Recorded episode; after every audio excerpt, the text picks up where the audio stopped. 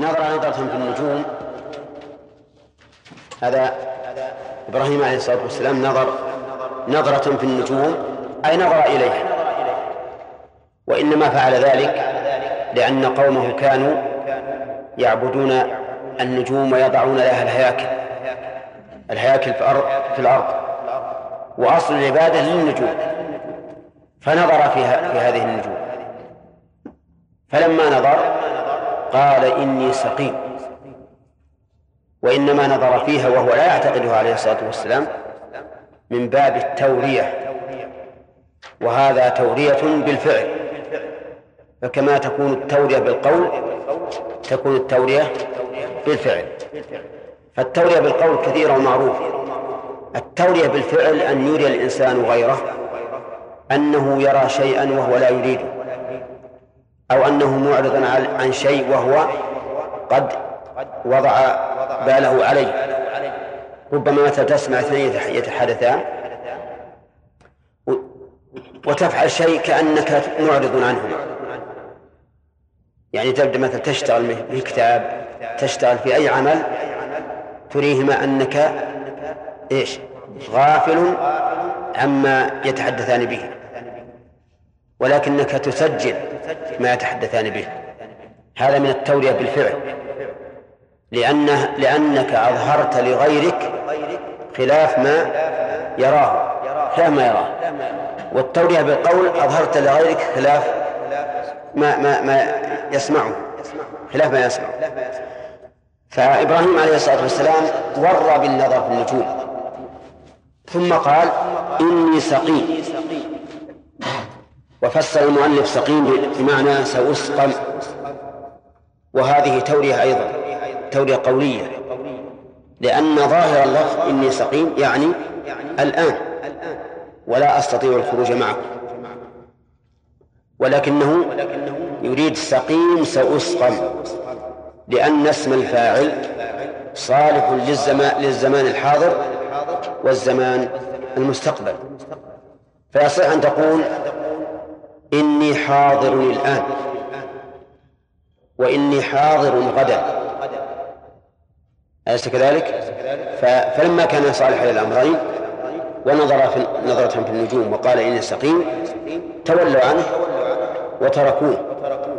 وهو يريد عليه الصلاة والسلام بفعله هذا يريد أمرا سيتبين فيما بعد فتولوا عنه مدبرين فراغ إلى آلهتهم أي مال في خفية إلى آلهتهم وهي الأصنام وعندها الطعام. راغ إلى آلهتهم وهي الأصنام التي يعبدونها. قال وعندها الطعام وأخذه المؤلف من قوله فقال ألا تأكلون. لأن عرض الأكل عليهم يدل على أن الأكل كان موجودا. طيب. راغ إلى آلهتهم أي مال بخفية وانطلق بخفية. والروغان كما هو معروف هو السرعة سرعة الإنسان لكن على وجه لا لا أحد يحس به. هو راغ إلى هذه الآلهة أي معبوداتهم فقال ألا تأكلون وأنا هنا للعرض. وهذا القول هل هو على سبيل الإلزام؟ الجواب لا. لا ليس على سبيل الإلزام ولا يمكن أن يلزمها بأن تأكل لأنه يعلم أنها لن تأكل. ولكنه قالها على سبيل الاستهزاء والسخرية وإلزام هؤلاء العابدين بأن هذه الأصنام لا لا لا تستحق العبادة. لا لأنها مستغنية عن الطعام ولكن لأنها لا تعقل لا تعقل ولا تعلم والذي لا يعقل ولا يعلم لا يمكن أن يكون معبودا. ثم إن صح وضع الطعام عندها من قبلهم فإن هذا دليل على أنها ليست صالحة للألوهية. لأن الإله مستغن عن غيره. ولهذا أقام الله الدليل على أن عيسى ابن مريم وأمه ليس بإلهين بكونهما يأكلان الطعام وأنه سبحانه وتعالى وحده الإله الحق بكونه يطعم ولا ولا يطعم.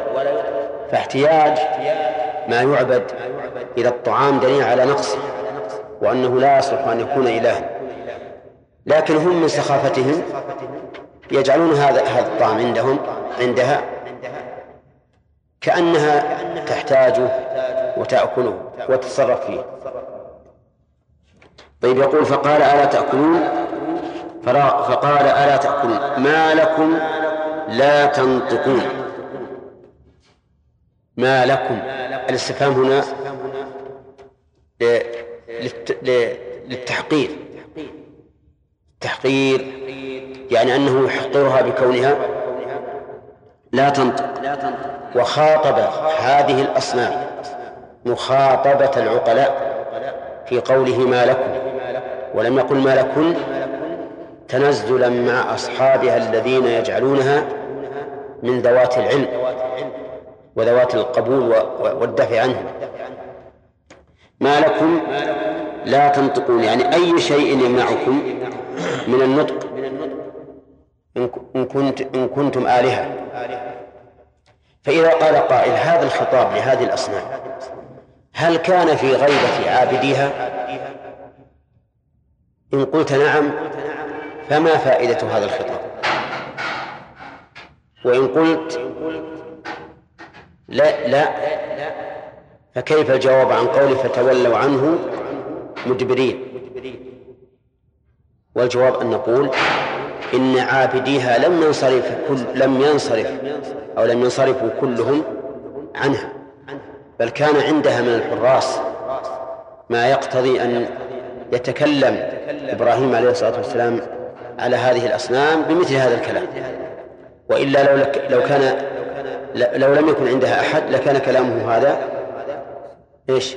لغوا لا فائدة منه لكن عندها من الحراس ما يستطيع أن يعلم عنها ما علمه إبراهيم بسبب أنه عرض عليهم الأكل وأن هذه لم تنطق وإذا كانت لم تنطق وليس لها إرادة ولا شعور لم تكن صالحة للعبادة. قال طيب ما لكم لا تنطقون؟ فراغ عليهم ضربا باليمين. في أول الآيات يقول فراغ إلى آلهتهم. أي مال بخفية وإلى للغاية. أما هنا قال فراغ عليهم ضربا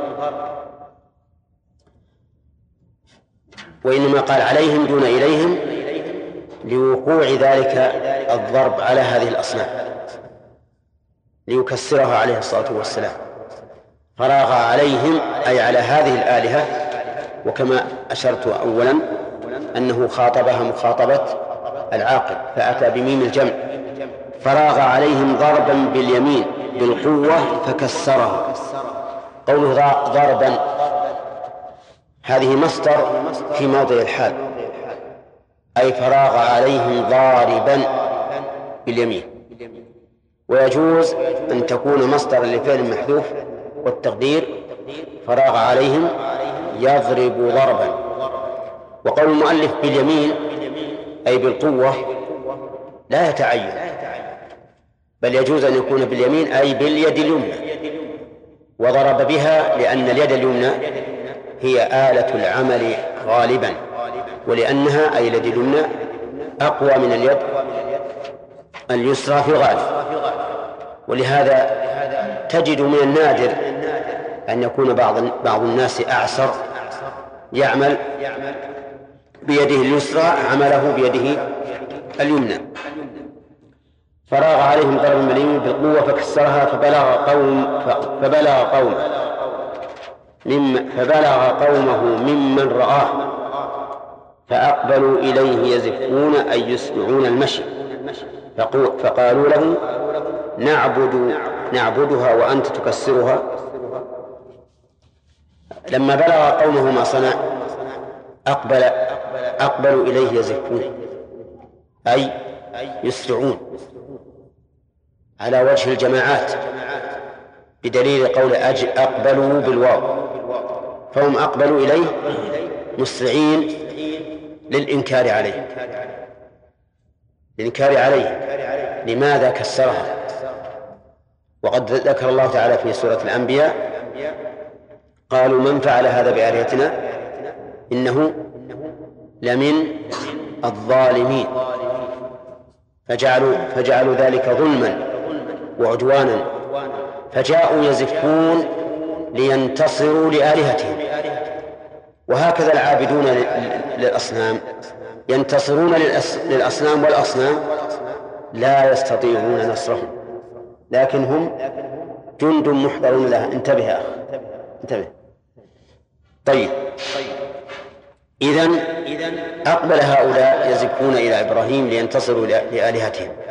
ولكنه عليه الصلاة والسلام كان قويا في ذات الله. قال لهم موبخا أتعبدون ما تنحتون من الحجارة وغيرها أصناما؟ والاستفهام هنا للتوبيخ والإنكار. والحقيقة أنه للتوبيخ والإنكار والاستهزاء بهم. كيف تعبدون شيئا أنتم تنحتونه بأيديكم؟ وهل يليق عقلا أن يكون المعبود مصنوعا لعابده؟ الجواب لا يليق. لا يفعل هذا إلا أسفه إلا أسفه السفهاء. شيء تصنعه أنت بيدك ثم تعبده وتتضرع إليه وتنيب إليه وتتعلق به وترجو منه النفع والضرر. هذا من السفه. ولكن والعياذ بالله الإنسان إذا أعمى الله بصيرته لا يغنيه بصر العين. وكانوا في الجاهلية يفعلون شبه هذا الفعل. كانوا إذا نزلوا أرضا في سفر جمعوا أربعة أحجار. ثلاثة منها للقدر وواحدا للعبادة. فصار هذا الحجر المعبود مساويا لمناصب القدور. وبعضهم يقولون إنهم كانوا يعجنون إلها من العجوة يعني من التمر. تمثالا من التمر يعبدونه من دون الله. فإذا جاعوا أكلوه. ما يقول أطعمنا أو هيئنا طعاما هو نفسه يؤكل. هذا هذا من السفه كذلك أصحاب إبراهيم عليه الصلاة والسلام قوم إبراهيم صنعوا آلهة هم بأيديهم ثم صاروا يعبدونها. وقول المؤلف أصناما أشار به إلى أن تنحتون تنصب مفعولين. أحدهما العائد للموصول الذي تقدير الذي تقديره ما تنحتونه. نعم. والثاني هذا المحذوف الذي قدره المؤلف. أتعبدون ما تنحتونه أصناما؟ نعم. قال والله خلقكم وما تعملون من نحتكم ومنحوتكم فاعبدوه وحده. وما مصدرية وقيل موصولة وقيل موصوفة. نعم. والله خلقكم. وإذا كان الله هو الخالق فهو أحق. أحق بالعبادة. هل الأحق بالعبادة من خلقكم أو من خلقتموه؟ ها؟ من خلق. ولهذا قال الله خلقكم وما تعملون. قال من نحتكم ومنحوتكم.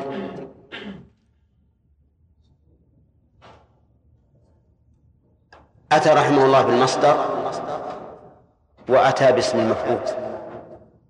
من نحتكم إشارة إلى أن ما يجوز أن تكون مصدرية ويجوز أن تكون موصولة. فإذا جعل فإذا جعلناها مصدرية صار التقدير ها؟ من نحتكم. وإذا جعلناها موصولة صارت من منحوتكم واستمع. والله خلقكم وعملكم. إذا قلنا هكذا صارت ما مصدرية. شوف لو يروح واحد يسكته. إذا إذا جعلنا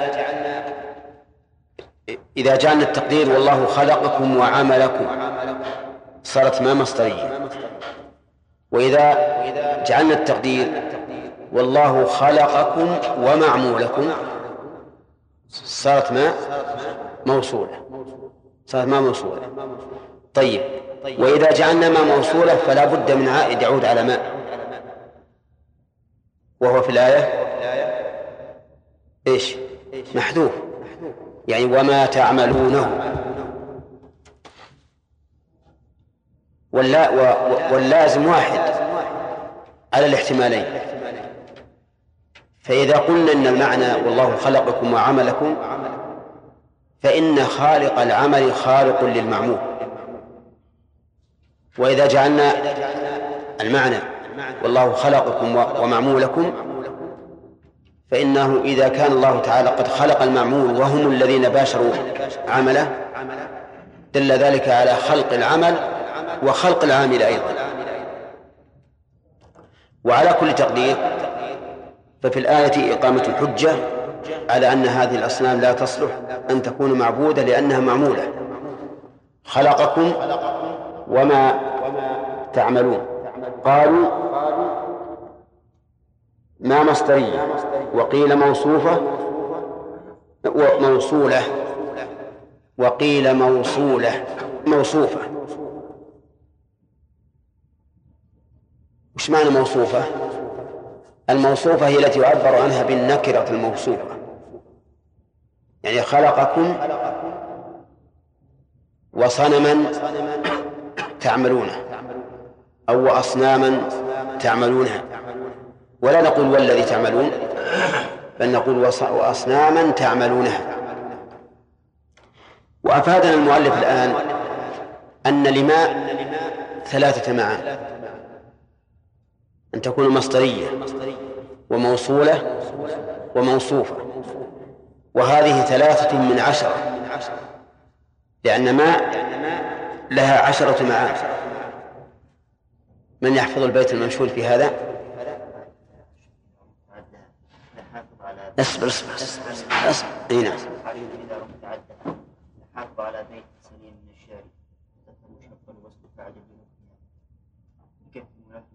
عظيم إي نعم. حفظت يا محمد؟ يقول محامل ما عشر إذا رمت عدها فحافظ على بيت سليم من الشعر.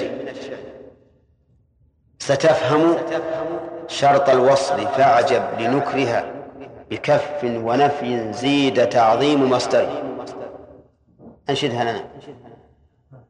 كيف؟ من ينشدها ممن لم يحفظها من قبل. نعم.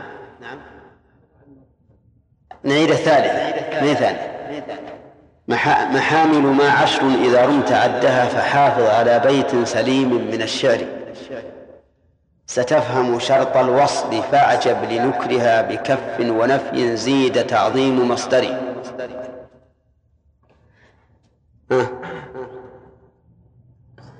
أنت حافظ محمد المقاضي لا. ما ليس لك فخر. ها؟ محاسن. ولا محامل؟ محامل. حشر. نعم. فحافظ. نعم. نعم. ستفهم. ها؟ بس؟ هنا المقصود ما جاء به. ها؟ قلها ما نعم. نعم. نعم ستفهم. ستفهم شرط الوصل نعم. أعجب بنكرها نعم. لا زيد ما هي هو زيد تعظيم مصدري زيد تعظيم مصدري كذا؟ من اللي ما ذكر؟ لا عندي شيخ. و وما مصدرية وقيل موصولة وقيل موصوفة. كيف؟ مهم عندكم؟ لا موجود؟ طيب. ستفهم الاستفهامية. نعم. مثل ما هذا. شرط الشرطية. وما تفعل من خير يعلمه الله. الوصل موصولة. فأعجب التعجبية. مثل ما أحسن هذا. لنكره النكرة الموصوفة. نعم. أو النكرة الواصفة. تقول مررت بما معجب لك. أي بشيء معجب لك. وتقول عرفته نوعا ما. نوعا ما. يعني نوعا قليلا. فهي نكرة واصلة إذن فأعجب النكرة بكف كافة مثل إنما الله إله واحد. فهنا كفت معا العمل. ونفي نافية. ها؟ ما حضر زيد مثلا. آه ونفي زيد زائدة. ها؟ إذ ما؟ وإذا ما؟ إذا ما غضبوا هم يغفرون. طيب. ويا طالبا خذ فائدة. ما بعد إذا زائدة أخذتها أيضا؟ أخذت هذه الفائدة؟ ها. طيب. آه. إيش؟ زيد تعظيم مصدري. يعني أنها تأتي للتعظيم. وهذه غير التعجب. هذه غير التعجب. مثل أن تقول مررت بماء مذهل أي بعظيم مذهل. وربما نقول أيضا إن ماء التعجبية فيها نوع من التعظيم فإنها تدل على التعظيم والتعجب. مصدر؟ المصدرية. ومنهم هذه الآية والله خلقكم وما تعملون. فهذه محامل ماء عشر. وينبغي لطالب النحو أن مثل هذه الأبيات يحفظها لأنها تحصل له المعاني. مثل ما قال الناظم في الجملة التي تحتاج إلى الفاء إذا وقعت جواب الشرط. ها؟ اسمية طلبية وبجامد وبما وقد وبلن وبالتنفيس.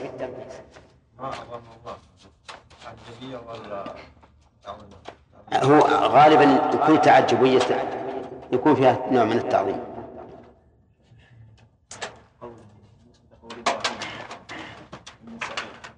أني سقيم أني أني سقيم من من, من الهتكم أي أي مريض من عبادتكم إياها. هي يعني المعنى البعيد. يمكن يكون هذا لكن لكن مو بالظاهر ويصبح لأنه هو هل هو هل هو سقم من عبادتهم؟ مرض؟ لا هذا معنى بعيد مو معنى القريب. نعم. هذا المعنى البعيد مو معنى القريب. لا المعنى القريب أن أنه سقيم الآن. هذا القريب. ويقرب أنه نظر في النجوم وأنه أراد أن يتعذر عن الذهاب معه. إذا كان كذا تصبح معناها فتولوا عنه مدبرين نعم. تصير عندما قال مني سقيم تولوا عنه مدبرين إن كان هذا ما ما يتحمل أن يذهب معه. فجعلوا الاستقامة هو عذرا له. إذا كان كذا كان إيش الدليل على على أنه آه، على على أن عندما كان وحده وخاطب الأصنام أنهم ذهبوا عنه كلهم؟ ما هو كلهم ذهبوا عنه. فيه ناس. هناك الحراس ما يمكن يدعون هذه الأصنام بدون جنود. لا بد أن لديها حراسا يعظمونها ويحرسونها. نعم. المرض النفسي بلى هذا اللي قال ياسر. يعني إن السقيم معناه إنه مريض من من العبادة. ما والله ما أدري. ما أدري ما أدري والله. نعم. آية أخرى قالوا من فعل بآلهتنا هذا بآلهتنا يعني كأنهم لا يدروا لو كان كما قلنا أنك عندها خبرات ما كان يعني فعل وكانوا لا يدروا فيدل هذا أنهم ما ما عرفوا قالوا سمعنا سمعنا يذكر إبراهيم. يعني ما رأينا لما إنما سمعنا يذكرها بصوت ألم تعلم أنهم لو أخذوه وقالوا أنت الذي فعلت من أول مرة وآتوا بالشهود من من من أصحابهم؟ حراسهم. ما قبل الناس ذلك. لكن إذا بحثوا عنه كأنما يسألون. صار هذا أبعد عن التهمة. كما فعل يوسف عليه الصلاة والسلام حينما جعل الصواع في رحل أخيه أول ما فتش ها. بدأ بأوعيته قبل وعاء أخيه. هو عارف أنه في وعاء أخيه لكن لو ذهب يست- يستخرجه من وعاء أخيه من أول مرة لا شكوا في ذلك. فهم يقولون هذا لئلا يقال إنهم متهمون. فيأخذون إبراهيم بأول وهلة ويقول هذا الرأس مثلا علم أما الفوائد فتبتدئ من قوله وإن من شيعته نعم. قال الله عز وجل وإن من شيعته إلى إبراهيم من فوائد هذه الآية وما بعدها أن أصل دين الأنبياء واحد. أن أصل دين الأنبياء واحد. فكلهم شيعة للآخر مقول لدعوته. ودليل ذلك قوله تعالى وما أرسلنا من قبلك من رسول إلا نوحي إليه أنه لا إله إلا أنا فاعبدون. وما أرسلنا من قبلك من رسول. أي رسول كان؟ إلا نوحي إليه أنه لا إله إلا أنا فاعبدون ومن فوائد الآية الكريمة أن الأنبياء وإن طال الزمن بينهم فإنهم إنما يأتون بالوحي من الله. لأنه إذا طال الزمن تناسى الناس العهد. واضمحل وانمحى. ولكن إذا كان بوحي من الله فإنه يتجدد بحسب تجدد هذا الوحي لأن بين إبراهيم وبين نوح أزمان طويلة. ومن فوائد الآية الكريمة الثناء على إبراهيم. الثناء على إبراهيم ووجهه أنه كان شيعة لمن يدعو إلى توحيد الله عز وجل. وكل من كان شيعة لمن يدعو من دون الله وكل من كان شيعة لمن يدعو إلى الله فإنه بلا شك محل ثناء. ومن فوائد الآية الكريمة في قوله إذ جاء ربه بقلب سليم الثناء على إبراهيم أيضا بكونه جاء الله سبحانه وتعالى بقلب سليم. وهذه الصفة وإن كانت سلبية لكنها تتضمن كمالا. لأن القلب إذا سلم من الشبهات والشهوات صار خالصا لله تعالى قصدا وإرادة وعملا. ففيها الثناء على إبراهيم بسلامة القلب. وفيها أيضا من فوائدها عناية الله سبحانه وتعالى بإبراهيم وذلك بإضافة الربوبية إليه إذ جاء ربه وهذه ربوبية خاصة أو عامة؟ خاصة.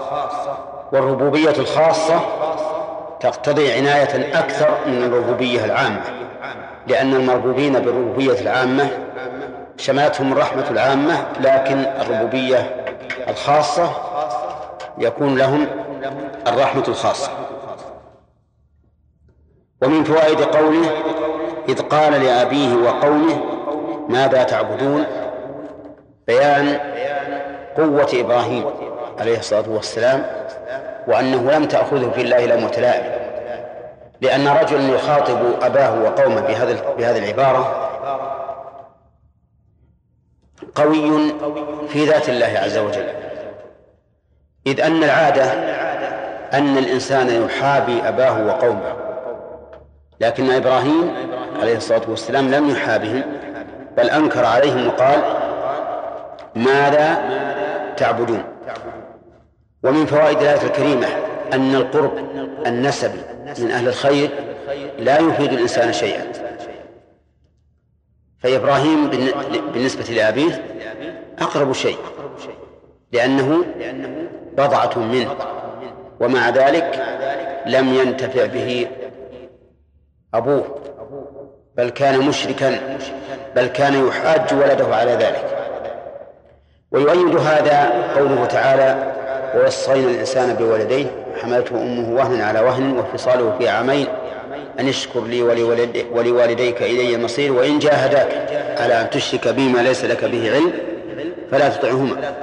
فهذا يدل على تباين ما بين الإبن والأبوين حتى إنهما ليجاهدانه على الإشراك بالله. ومع ذلك قال الله تعالى لا تطعهما.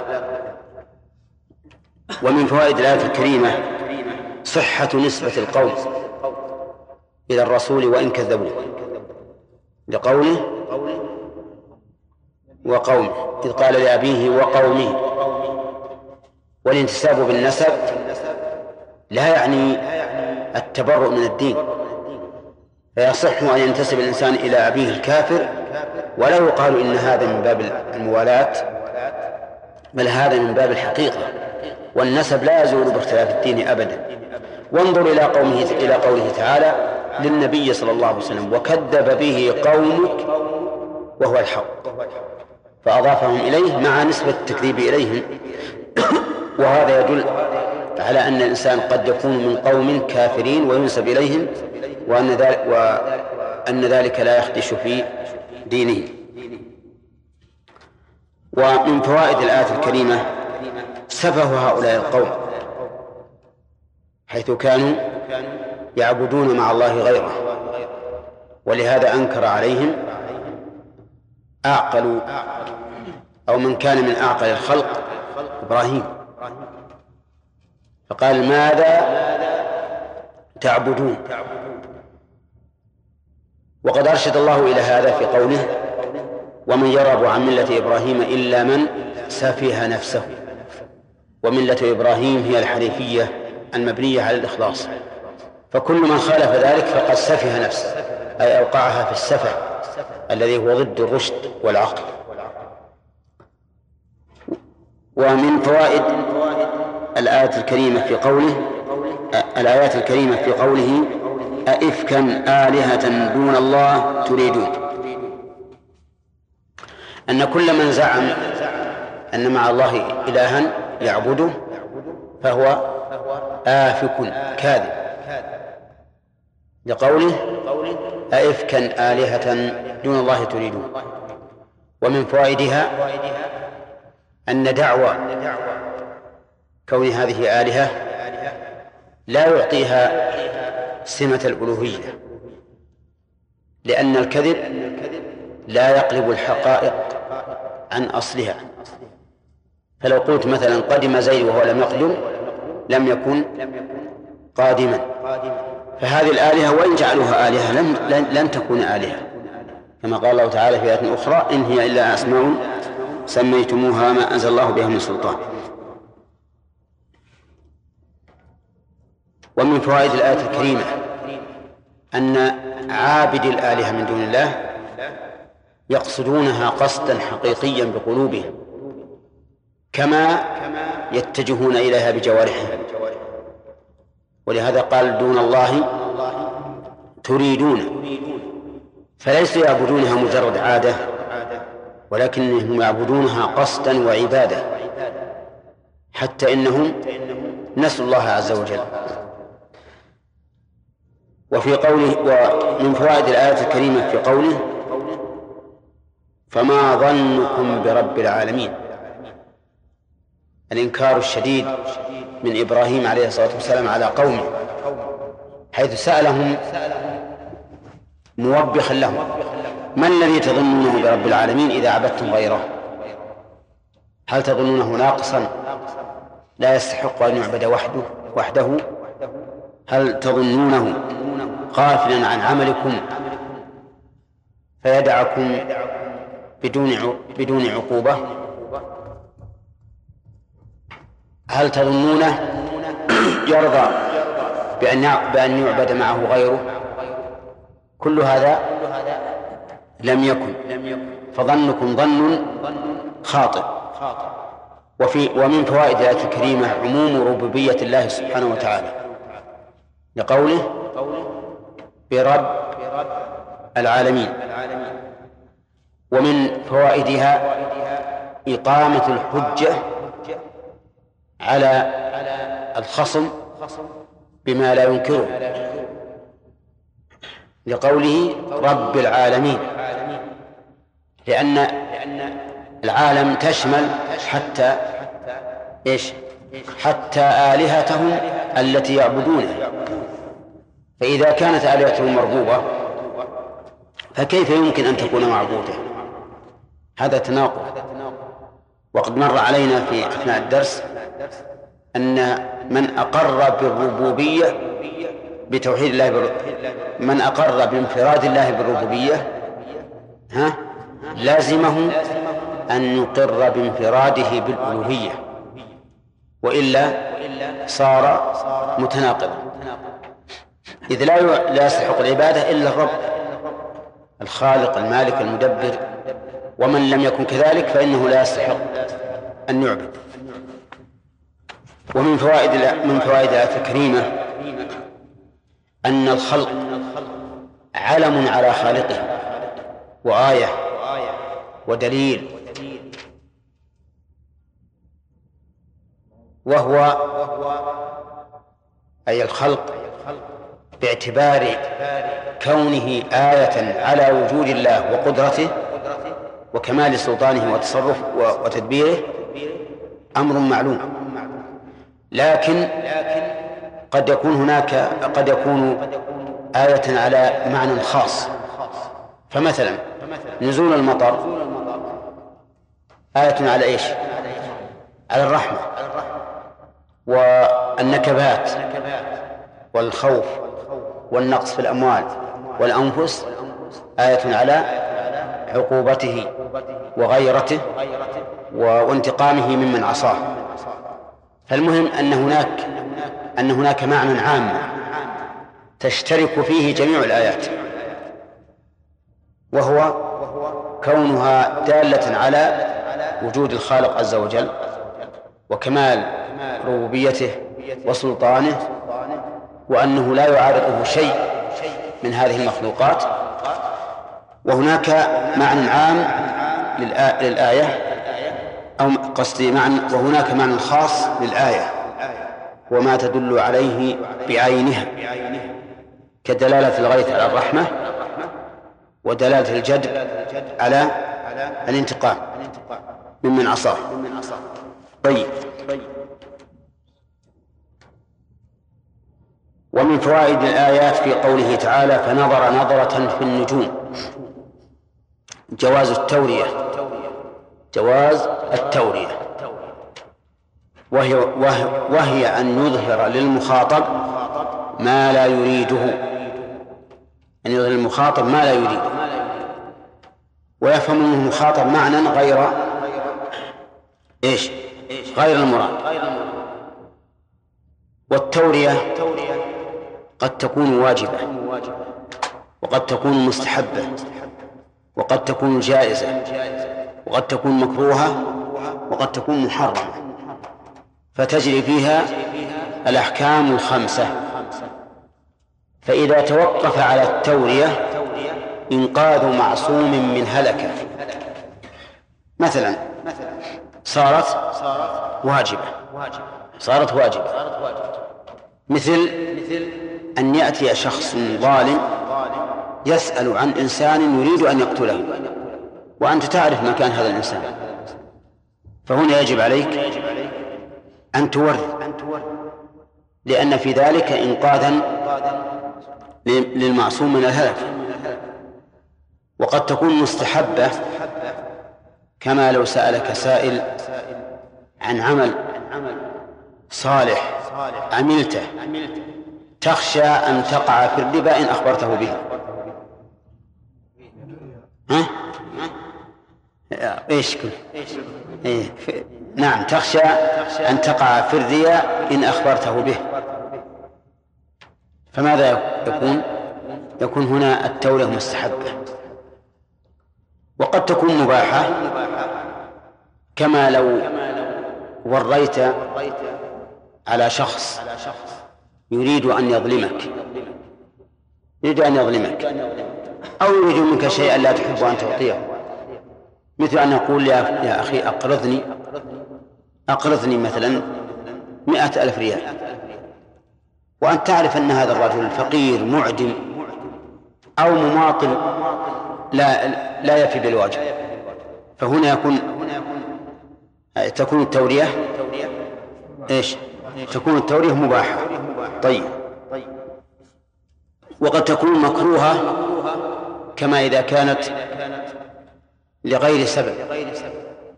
لغير سبب. الصحيح أنها مكروهة. لما يخشى منه. لما يخشى فيه من نسبة الإنسان إلى الكذب. لأن الإنسان إذا ورى ثم ظهر الأمر على خلاف ما فهمه السامع ها نسبه إلى الكذب. هذه مكروهة. لا لا يبيحها إلا السبب. وقد تكون محرمة كما لو تخاصم رجلان إلى القاضي. فادعى أحدهما على الآخر بدعوة. فالمدعي عليه البينة والمنكر عليه اليمين. هذا المدعى عليه حلف عند القاضي قال والله ما له عندي شيء. فالقاضي في مثل هذا التعبير يفهم براءة هذا المدعى عليه. والمدعى عليه أراد بما أن تكون اسما موصولا. يعني والله الذي له عندي شيء. هذا هذه التورية نقول إنها حرام. لأنها تتضمن جحد الحق. الواجب عليه أداء. فالمهم أن التورية تجري فيها الأحكام الخمسة. فإذا قال قائل ما هو الأصل فيها؟ الإباحة أو الكراهة. فالأقرب أن الأصل فيها الكراهة. أن الأصل فيها الكراهة ولكن قد تكون مباحة مستحبة واجبة حرام. نعم. ومن فوائد الآية الكريمة جواز إسناد الوصف. ال... نعم جواز إسناد الوصف إلى الإنسان باعتبار ما باعتبار المستقبل. يؤخذ من قوله إني سقيم. فإنه الآن ليس بالسقيم لكن كل إنسان عرضة لأن لأن يسقم على أنه يمكن أن يريد أن يريد بقوله إني سقيم أي ضعيف باعتبار قوله تعالى وخلق الإنسان ضعيفا. فيكون الوصف هنا حاليا ولا مستقبليا؟ حاليا. طيب. من فوائد الآية الكريمة في قوله فتولوا عنه مدبرين أن هؤلاء القوم لما قال لهم هذا القول وبعد أن نظر نظرة بالنجوم اقتنعوا فيتفرع على ذلك أن الإنسان المبطل قد يقتنع بالشيء ولو كان باطلا في حقيقته. وهو كذلك. فالإنسان المبطل إذا وري له بما بباطله ظن أنه حق فأخذ به واعتبره. ومن فوائد قوله فراغ إلى آلهتهم قال ألا تأكلون إلى آخر. بيان قوة إبراهيم كما سبق. حيث ذهب بسرعة وخفاء إلى هذه الآلهة ليكسرها. ولكنه عليه الصلاة والسلام لم يكسرها إلا بعد أن أقام البينة على من كان عندها بأن هذه الآلهة لا تصلح أن تكون آلهة لأنها لا تعقل لا تنطق ولا تعرف ما ينفعها ولا تجلب لنفسها نفعا فلغيرها من باب من باب أولى. ولهذا قال فقال ألا تأكلون ما لكم لا تنطقون. ومن فوائد الآية الكريمة أيضا جواز التورية كما سبق. لأنه عليه الصلاة والسلام يعلم أن هذه الأصنام لا تأكل ولا تنطق. لكن أراد بهذا السؤال أراد بذلك إقامة الحجة على من كانوا عندها. يحرسونها وينتصرون لها بأن هذه الأصنام غير صالحة للعبادة لأنها لا لا تعرف ما ينفعها ولا يضرها ولا تجلب لنفسها نفعا ولا تدفع عن نفسها ضررا. ومن فوائد قوله فراغ عليهم ضربا باليمين أيضا بيان قوة إبراهيم عليه الصلاة والسلام. ومن فوائدها أيضا أنه ينبغي للإنسان إذا عمل عملا أن يكون فيه جاد وحازم. فيفعله بقوة لا لا بتوان وكسل. خلافا لما يقوم بعض لما يقوم به بعض الناس من الأعمال حيث تجده يواجه عمله بضعف. وتوان وكسل. والإنسان في الحقيقة مع نفسه على ما اعتاد. إذا اعتاد الحزم والقوة وأن لا يدع عملا لوقت مستقبل صار حازما في في أعماله مدركا لآماله. أما إذا كان كسولا متهاونا يقول أدع هذا الشيء إلى بكرة فإن الأعمال سوف تتراكم عليه وسوف يجد في النهاية أنه عاجز عنها. أليس كذلك؟ لأنه إذا أخر عمل اليوم إلى إلى غد اجتمع عليه غد عملان عمل الماضي وعمل الحاضر. فإن أخره مرة أخرى اجتمع عليه ثلاثة أعمال وهكذا حتى يعجز ويكل. ولهذا منع الإنسان الذي عليه قضاء رمضان منع أن يؤخره إلى ما بعد رمضان الثاني. لماذا؟ لأنه إذا أخره إلى الثاني تراكمت عليه الديون.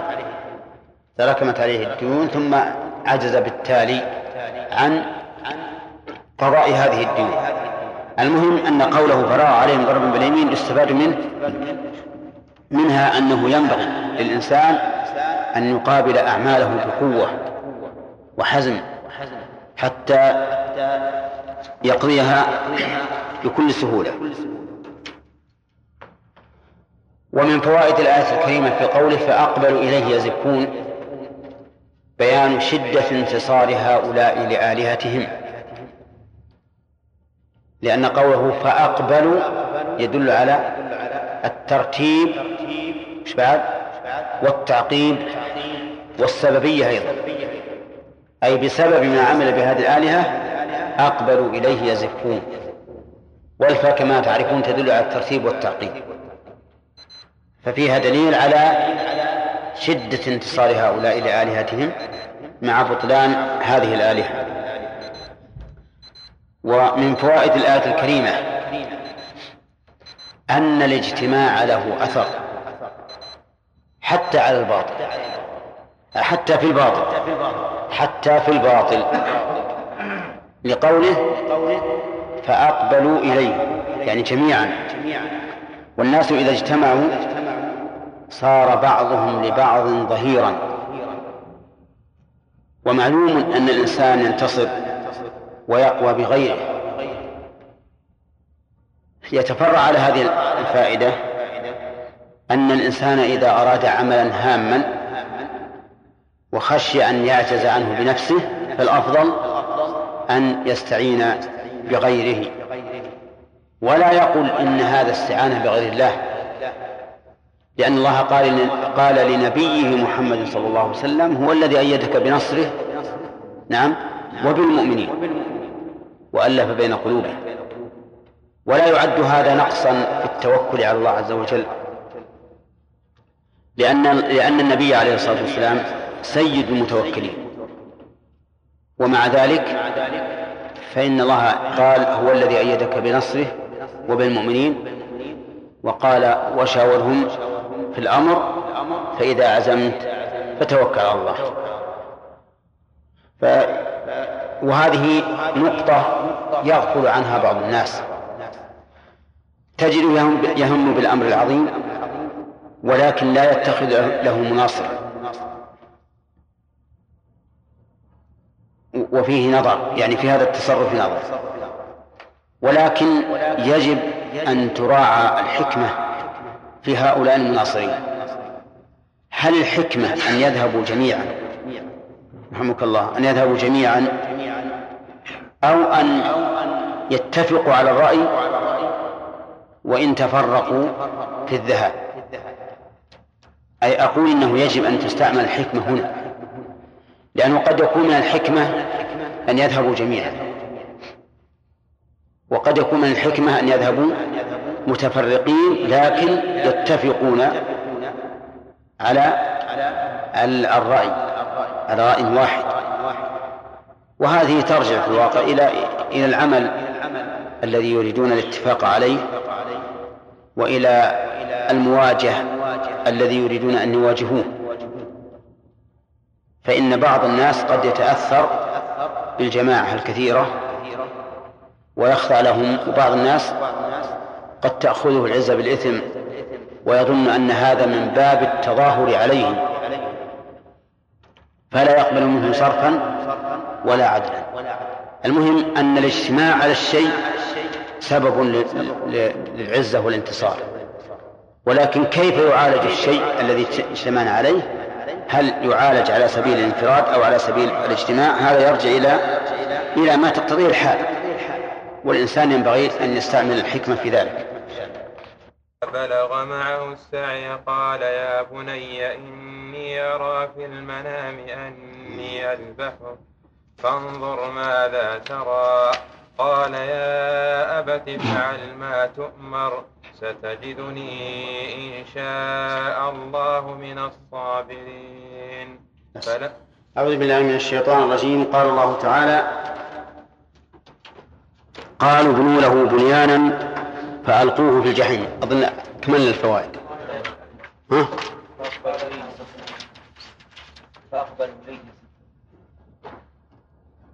طيب. قال الله تعالى فأقبلوا إليه يزفون قال أتعبدون ما تنحتون إلى آخره.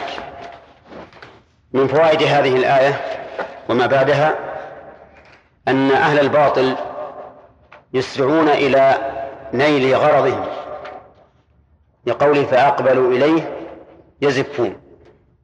وإذا كان أهل الباطل يسرعون إلى نيل غرضهم فينبغي أن يكون أهل الحق أسرع منهم.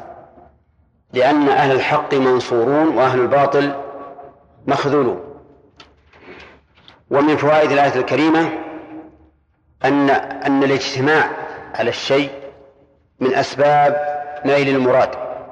يعني كلما اجتمع الناس على أمر كان ذلك أقرب إلى نيل مرادهم. لقوله فأقبلوا إليه.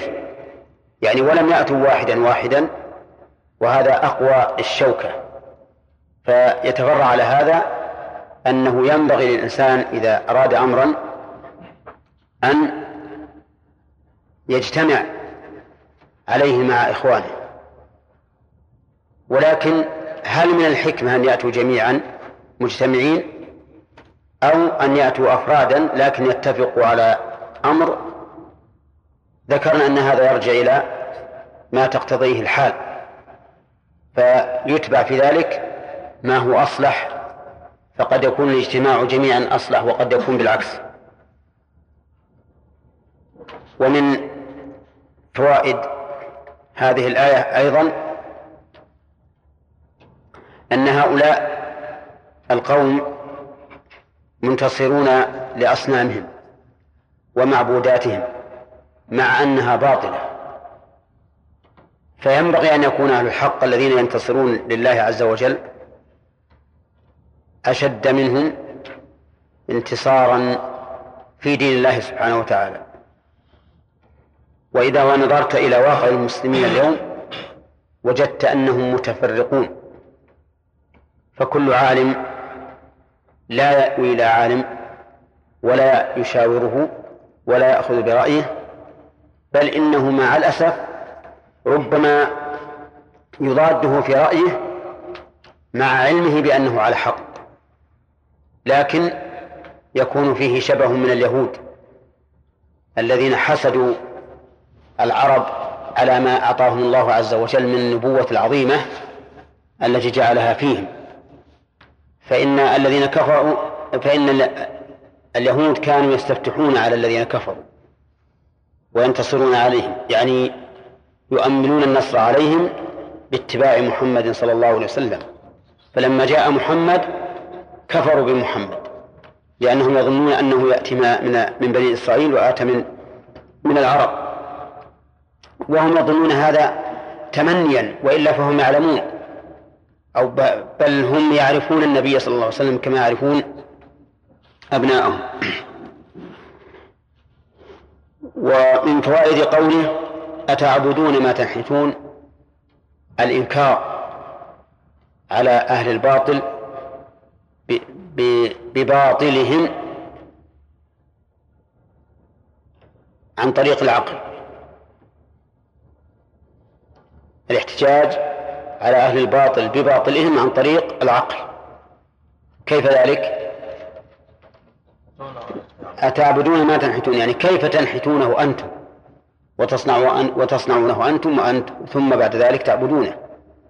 أليس الأولى بالعقل؟ أليس الأولى من الناحية العقلية أن يكون هذا المنحوت هو الذي يعبدكم؟ لأنكم أنتم الذين نحتموه وأوجدتموه.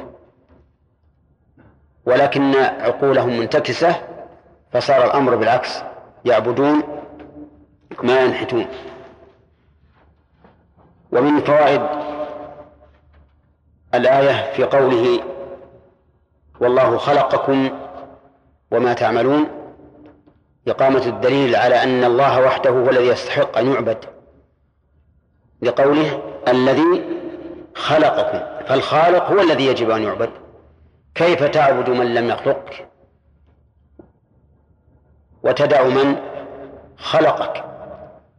أو تعبد من لم يخلقك مشركا له في من؟ مع من خلقك.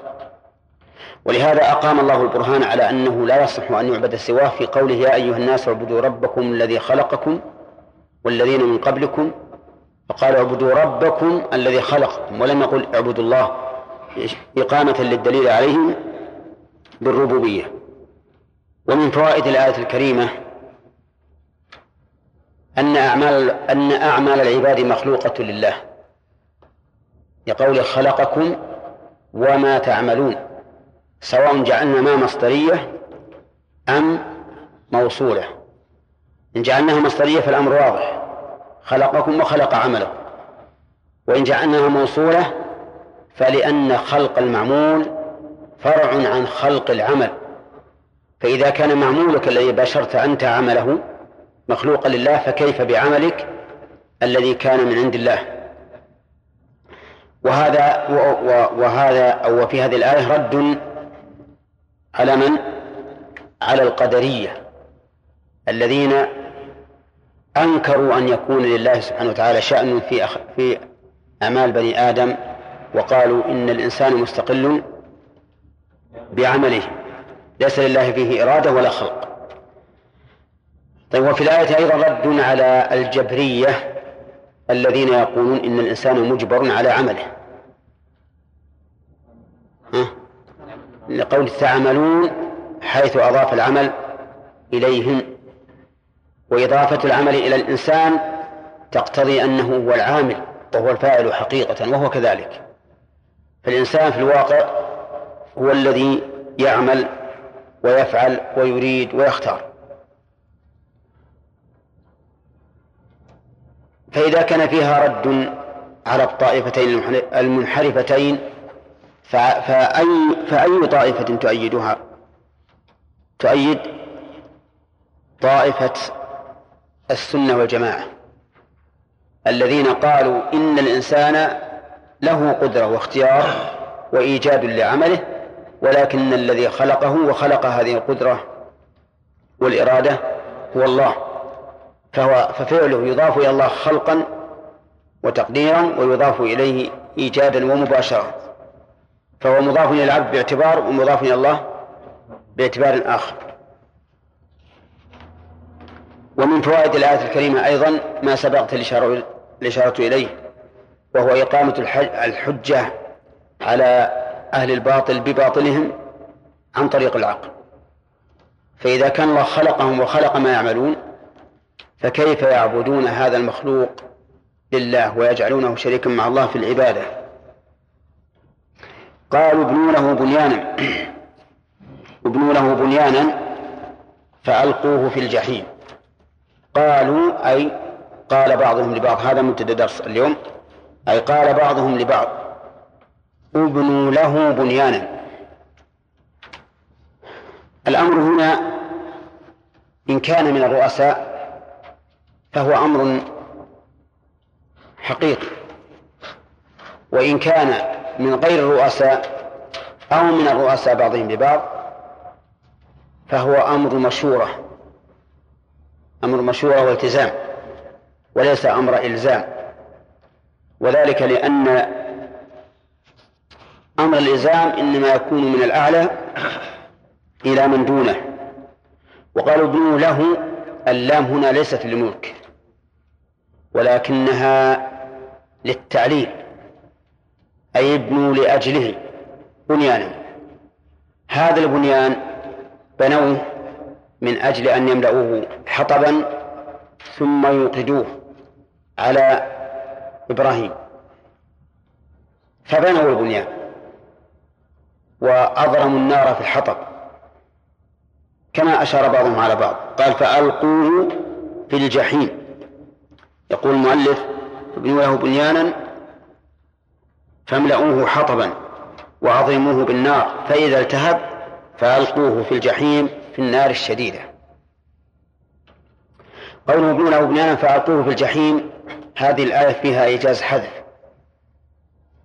قدره المفسر. التقدير فاملأوه حطبا وأضرموه بالنار فألقوه في الجحيم. وفي الاتيان بالفاء عقب قول ابنوا له بنيان بنيانا وحذف ما توسط بينهما إشارة إلى أنهم أرادوا الإسراع العظيم في هذا الأمر. كأنهم قالوا ابنوا البنيان وألقوه مباشرة. وطبعا ليس يلقى ببنيان فقط ليتمتع فيه ولكن بعد إيقاد النار فيه. إنما أرادوا بهذا الإسراع والمبادرة. كأنهم طووا ذكر ما بين البناء والإلقاء لعدم وجوده من سرعة المبادرة. ويدل لذلك أيضا قوله فألقوه والفاء هذه تدل على الترتيب والتعقيب قال فألقوه في الجحيم أي النار الشديدة. ففعلوا يا محمد؟ ها؟ فعلوا؟ طيب فعلوا ذلك. وألقوه في النار. ولكن خالق النار قال للنار كوني بردا وسلاما على إبراهيم. فكانت بردا وسلاما عليه. لم تكن بردا شديدة البرودة حتى يهلك ولم تكن حارة بل كانت على عكس ما يريد به الأعداء. الأعداء أرادوا بالنار أن تكون حارة مهلكة. والله عز وجل أراد أن تكون باردة مسلمة. كوني بردا وسلاما على إبراهيم. فكانت بردا وسلاما عليه. وهنا نقف لنبين أن بعض المفسرين رحمهم الله قالوا إنه في ذلك في تلك اللحظة صارت جميع النيران في جميع أقطار الدنيا باردة. ولكن هذا قول ضعيف جدا مخالف للقرآن. لأن الله تعالى قال في القرآن يا نار وهذا النداء يكون موجها للمقصود بالنداء. ولهذا يسميها النحو نكرة مقصودة. فالمراد تلك النار التي خوطبت فقط. فصارت النار التي خوطبت بردا وسلاما.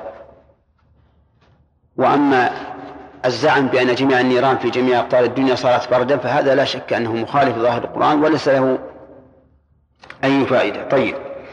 قال الله تعالى فأرادوا به كيدا بإلقائه في النار لتهلكه فجعلناهم الأسفلين المقهورين فخرج من النار سالما.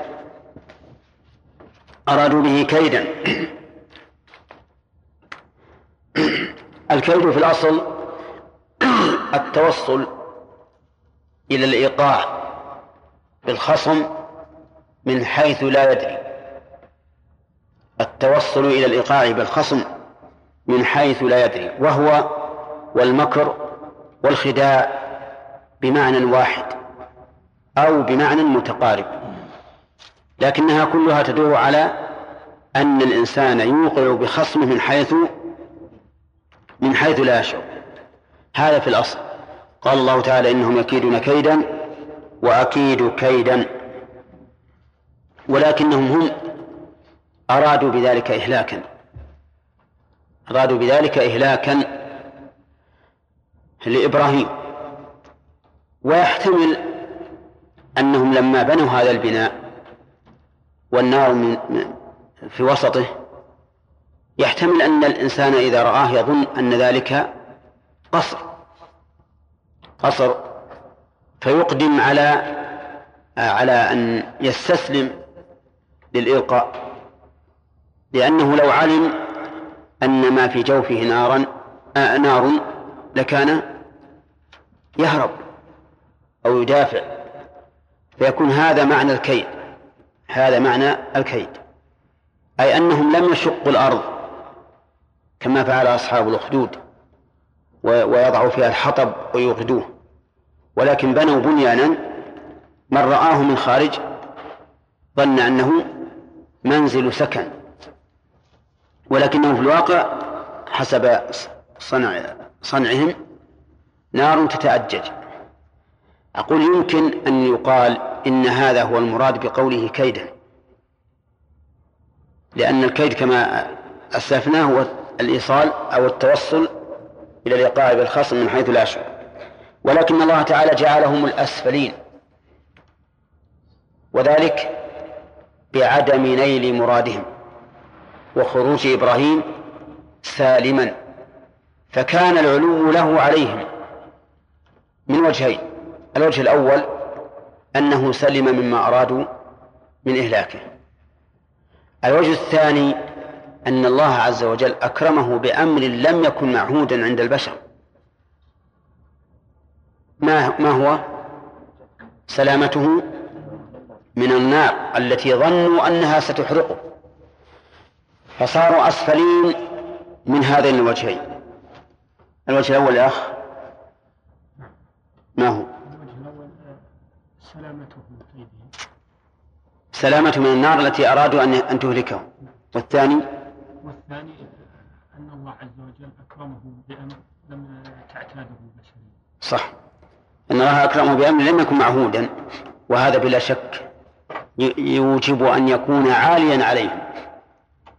بل عاليا علوا بالغا لأنه قال الأسفلين والأسفلين هذه اسم تفضيل أي البالغ في الأسفل أو في السفل غايته. نعم. فجعلناهم الأسفلين. وهنا نسأل عن إعراب فجعلناهم الأسفلين يا خالد.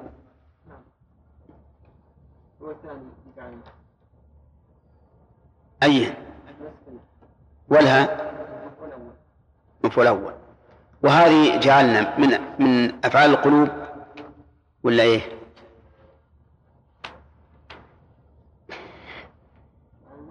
إيه هل هي من أفعال القلوب ولا من أفعال التصيير؟ نعم. هل تأتي جعل من أفعال القلوب؟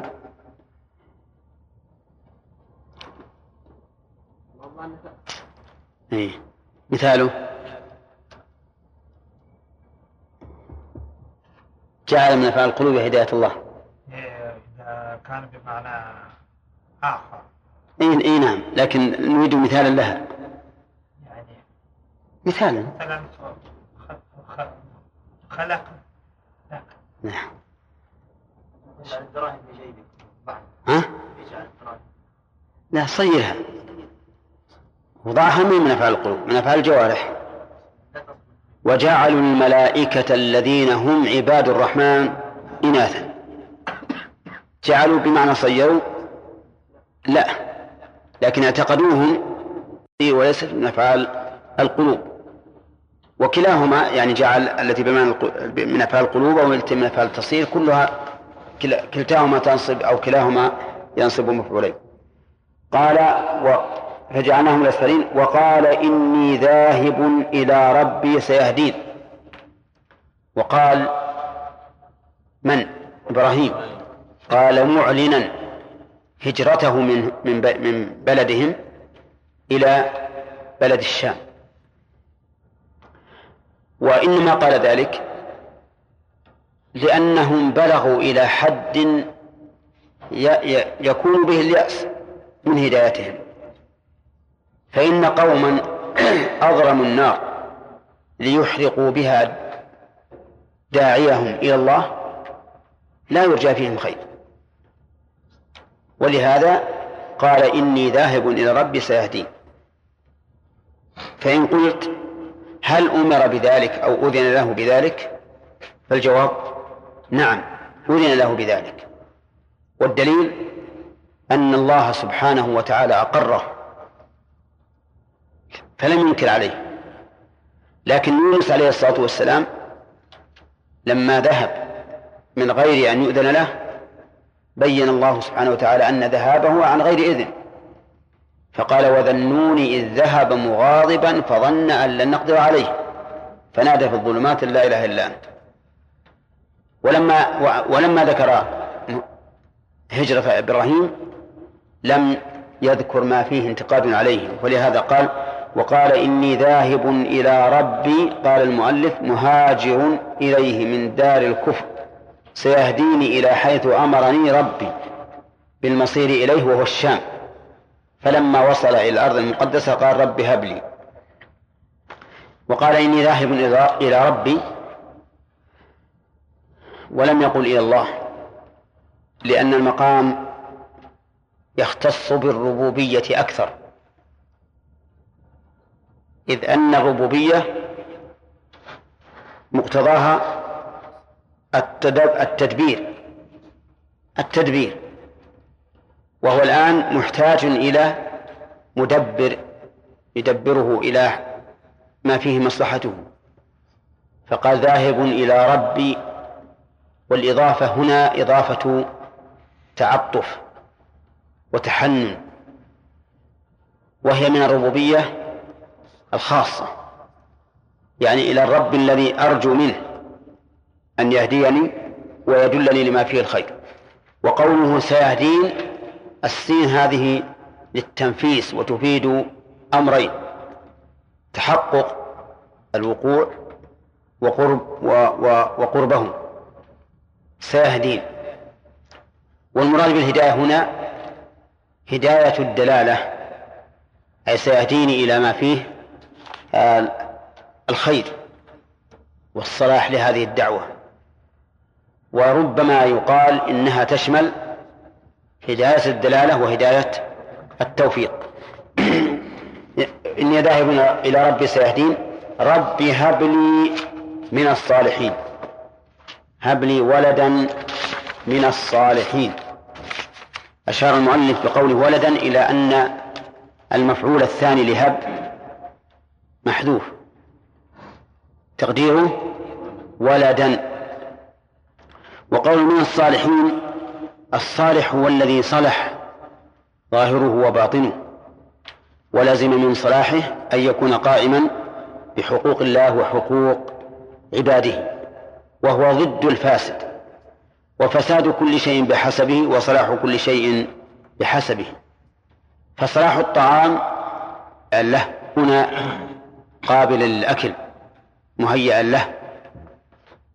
وفساده أن يكون غير صالح للأكل ولا قابل للأكل. وصلاح الإنسان أن يكون مهيئا مستعدا لما أمر به قائما بأمر الله.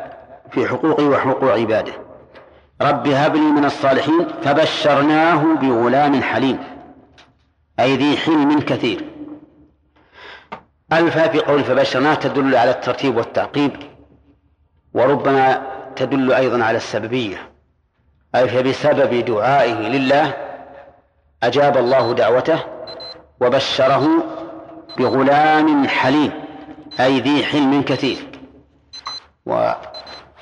وأفاد المؤلف بقوله ذي حلم كثير إلى أن حليم هنا صيغة مبالغة ولكن يحتمل أن تكون صفة مشبهة أي بغلام صفته الدائمة المستمرة الحلم.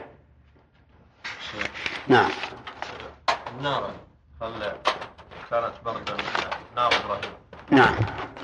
باردة كل شيء ولا على إبراهيم خاص؟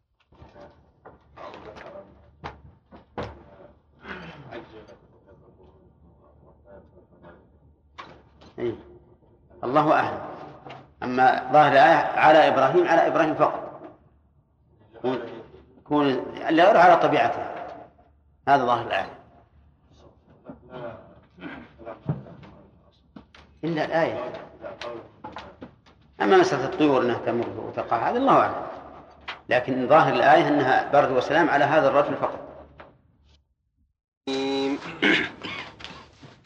فأرادوا به كيدا فجعلناهم الأسفلين. وقال إني ذاهب إلى ربي سيهدين. رب هب لي من رب هب لي من من الصالحين. رب هب لي من الصالحين. فبشرناه بغ- بغلام حليم. فلما بلغ معه السعي قال يا بني إني أرى في المنام. إني أرى في المنام أني أذبحك فانظر ماذا ترى. قال يا أبت افعل ما تؤمر. ستجدني إن شاء الله من الصابرين. فلما أسلما وتله للجبين وناديناه أن يا إبراهيم قد صدقت الرؤيا إنا كذلك نجزي المحسنين إن هذا لهو البلاء المبين وفديناه بذبح عظيم وتركنا عليه في الآخرين. سلام على إبراهيم. كذلك نجزي المحسنين. إنه من عبادنا المؤمنين. فبشرناه بغلام حليم هذا منتهى الدرس. لا. قال الله تعالى فبشرناه بغلام حليم أخذنا دلالة الفاء فقط. أنها تدل على أن الله استجاب له فور دعائه. وقول بشرناه البشارة هي الإخبار بما يسر. هذا هو الأصل. إذا أخبر الإنسان بما يسر قيل له قيل بشر. وإذا أخبر بما يخوف قيل له انذر. ولهذا يذكر الله عز وجل دائما التقابل بين البشارة والإنذار. إنا أرسلناك بالحق بشيرا ونذيرا رسلا مبشرين ومنذرين. فالبشارة في الأصل هي الإخبار بما يسر وقد تطلق على الإخبار بما يسوء إما من باب التهكم بالمخبر وإما من باب الجمع أو من باب الجامع بين البشارة والإنذار لأن كل واحد منهما يؤثر في بشرة المخبر. البشارة تؤثر به سرورا وفرحا واستنارة وجه وراحة قلب والإنذار بالعكس يظلم الوجه ويصغر ولا ينتشر الوجه ويحصل فيه الغم. المهم أن البشارة في الأصل ها الإخبار بما يسوء وقد تطلق على الإخبار بما يسوء كقوله تعالى فبشرهم بعذاب أليم إما من باب إيش؟ التهكم بهم. كما تقول مثلا لشخص أبشر بالعقوبة تتهكم به وإما من باب الجامع بينه وبين البشرة بما يسر وهو أن كل منهما يؤثر على البشرة.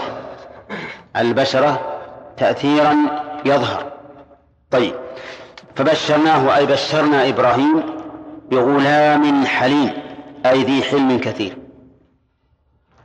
بغلام حليم أي ذي حلم. وما هو الحلم؟ الحلم هو عد هو التأني وعدم التسرع. التأني وعدم التسرع في مقابلة الأمور. بل يتلقاها الإنسان بطمأنينة واتزان وتصرف تصرف الرشيد. ضد الحليم هو سريع الغضب سريع الانفعال الذي لا يتأنى في الأمور ولا يتروى فيها فتجده يرد الشيء مبادرة أو يقبله مبادرة.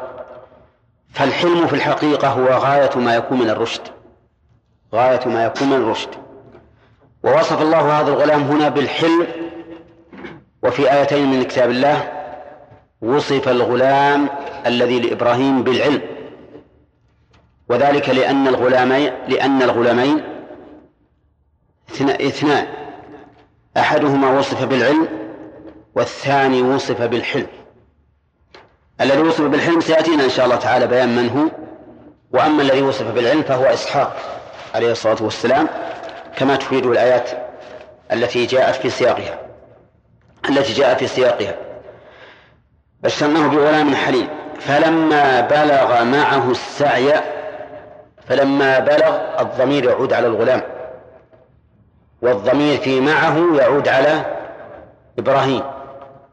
والسعي إما أن يراد به الكسب وإما أن يراد به المشي وكلاهما صحيح ولكن الأقرب عندي أن المراد به المشي. فإن السعي يطلق على المشي كثيرا. كما في قوله تعالى يا أيها الذين آمنوا إذا نودي للصلاة من يوم الجمعة فاسعوا إلى ذكر الله. وكذلك قال الله تعالى وإذا تولى سعى في الأرض. سعى في الأرض. فالمراد بالسعي يعني المشي. ولكن كلمة مع تفيد المصاحبة. يعني صار تابعا لأبيه يسير معه. لأنه ليس صغيرا قد مكث في مكانه وليس كبيرا انفرد بنفسه. فالصغير الذي في المهد لا يبلغ السعي مع أبيه والكبير الذي انفرد يبلغ السعي لا ها لا مع أبيه. لأنه منفرد. أما هذا فقد بلغ مع أبيه السعي وكان ملازما له. وهذا أشد ما يكون الأب تعلقا بابنه إذا كان في مثل هذا السن. لأن الصغير كما تعلمون الذي في المهد لا تتعلق به النفس. والكبير الذي انفرد كذلك لا تتعلق به النفس. إنما تتعلق بمن كان في مثل هذا السن. وهذه من حكمة الله عز وجل أن ابتلي إبراهيم صلوات الله وسلامه عليه بهذا بهذا البلاء المبين. قال لما بلغ معه السعي أي أن يسعى معه. ويعينه قيل بلغ سبع سنين وقيل ثلاث عشرة سنة. ويحتمل أن يكون ما بينهما ما بين السبع إلى ثلاث عشرة لأنه إذا إذا زاد على ذلك فقد يستقل بنفسه وما دون السبع أيضا يحتاج إلى من يعوله ولا تتعلق به النفس كثيرا لا سيما نفس الأب. أما الأم فقد يكون تعلق نفسها بالصغير أكثر من تعلق نفسها بالكبير ولكن الأب تتعلق نفسه بمثل هذا السن. لما بلغ معه السعي امتحن الله سبحانه وتعالى إبراهيم. بمحنة عظيمة. لا يصبر عليها إلا من كان في مثل في مثل حاله. واعلم أن هذا الولد هو بكر إبراهيم. يعني أول مو يعني أنه أول مولود ولد له. وولد له كما قيل على كبر السن. يعني أنه كان كبيرا. ولد له هذا المولود البكر الذي ليس له ولد سواه. فامتحنه الله. فأراه الله سبحانه وتعالى في المنام أنه يذبح هذا الولد. وهذا خبر بمعنى الأمر. لأن الذبح هنا مجرد فعل. رأى في المنام أنه يذبح ولده. فهو كما لو أخبر بأنه يذبح ولده. أري والإراعة إخبار بالقول ولا بالفعل؟ إخبار بالفعل. الإراعة إخبار بالفعل. نعم. ولهذا قيل الخبر ما ترى لا ما تسمع. المهم أن الله أراه أنه يذبحه. وهذا خبر بمعنى الأمر كما سيأتي إن شاء الله تعالى في قوله افعل ما تؤمر. أراه الله ذلك فلم ينزعج إبراهيم. ولم ولم يتأثر. واطمأن إلى هذا. ثم عرض الأمر على هذا الابن لا لا للاستشارة ولكن للاختبار. وإلا فلا يمكن أن يستشير إبراهيم ابنه فيما أمره الله به. أليس كذلك؟ وإنما أخبره أو عرض عليه الأمر ليختبره بهذا. وينظر متى مدى قوة تحمله لهذا الأمر العظيم. قال يا بني يعني لما بلغ من السعي وأري ما ما رأى, ما رأى قال يا بني إني أرى أي رأيت في المنام أني أذبحك. شف هذا التلطف يا بني. لئلا ليبعد عن ابنه أنه ذكر ذلك عن جفاء. لأن الإنسان إذا كان يبغض ابنه فإنه لا يهمه أن إيش؟ أن يعذبه أو أن يذبحه ولا يهم ولا يتأثر بذلك. لكنه قال يا بني من باب التلطف به وبيان أن الحنان قد بلغ في قلبه كل ما بلغ. وصغره فقال يا بني ولم يقل يا ابني زيادة في التلطف زيادة في التلطف. قال يا بني إني أرى في المنام أني أذبحك. قال المؤلف المفسر أي رأيت؟ ولكنه عبر بالمضارع ليدل على استمرار حكم هذه الرؤية. نعم؟ إني أرى في المنام أني أذبحك. هذه ماضي ولا ولا مضارع؟ عبر بالمضارع عن الماضي ليبين أنه مستمر على تنفيذ حكم هذه الرؤيا. قال إني أرى أني أذبحك. أو نزل الماضي منزلة الحال. كأنه الآن يرى أنه يذبحه. وعلى كل حال فإن أرى هنا أبلغ من من رأيت لأن رأيت شيئا مضى, شيئا مضى أما هذا فهو شيء حاضر يدل على الاستمرار وأنه سينفذ حكم ما رأى. في المنام أني أذبحك ورؤيا الأنبياء حق وأفعالهم بأمر الله. هذا هذان أو هاتان كلمتان يعبران عن سؤال مقدر. أولا قوله إني أراه في المنام أني أذبحه. قد يقول قائل رؤيا المنار رؤيا المنام أضغاث أحلام.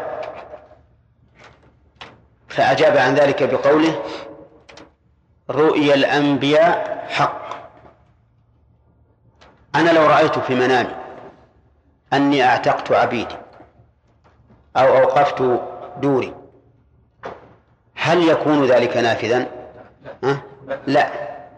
ولا أؤمر بذلك من أجل هذه الرؤيا لكن رؤيا الأنبياء حق. يعني أنها وحي. والثاني قال الجواب الثاني وأفعالهم بأمر الله. وهو أيضا جواب عن سؤال مقدر. وإذا كانت هذه الرؤيا حقا فهل يثبت بها حكم شرعي؟ فأجاب المؤلف بما يقتضي نعم. لماذا؟ لأن أفعال الأنبياء بأمر الله لا سيما مثل هذا الفعل العظيم. هذا الفعل العظيم هو من أكبر الكبائر. ليش؟ لأنه قتل نفس بغير حق. وليست نفسا بعيدة قتل نفس قريبة. فهو جامع بين قتل النفس وبين قطيعة الرحم. لأن من قتل أجنبيا ليس كمن قتل قريبا. لكن هذا القتل هذا الذنب العظيم إذا كان بأمر الرب الذي له ملكوت السماوات والأرض صار طاعة. كما أن السجود لغير الله شرك ولما كان بأمر الله كان تركه كفرا. وإذ قلنا للملائكة اسجدوا لآدم فسجدوا إلا إبليس أبى واستكبر وكان من الكافرين. المهم أن أن المؤلف أجاب عن هذه الرؤيا بأنها فعل من نبي وأفعال الأنبياء بأمر الله عز وجل تقع بأمر الله لأنهم معصومون. قال فانظر ماذا ترى من الرأي. يعني فكر في أمرك وانظر ماذا ترى. فكان جوابه جوابا عجيبا عظيما. قال يا أبت افعل ما تؤمر. وهذا شبيه بما وقع من عائشة رضي الله عنها. حين استش... حين خيرها النبي صلى الله عليه وسلم بين أن تبقى معه وأن تفارقه للدنيا وقال لها استأمري أبويك يعني استشيريهم. فقالت رضي الله عنها أفي هذا أستأمر أبوي؟ إني أختار الله ورسوله والدار الآخرة.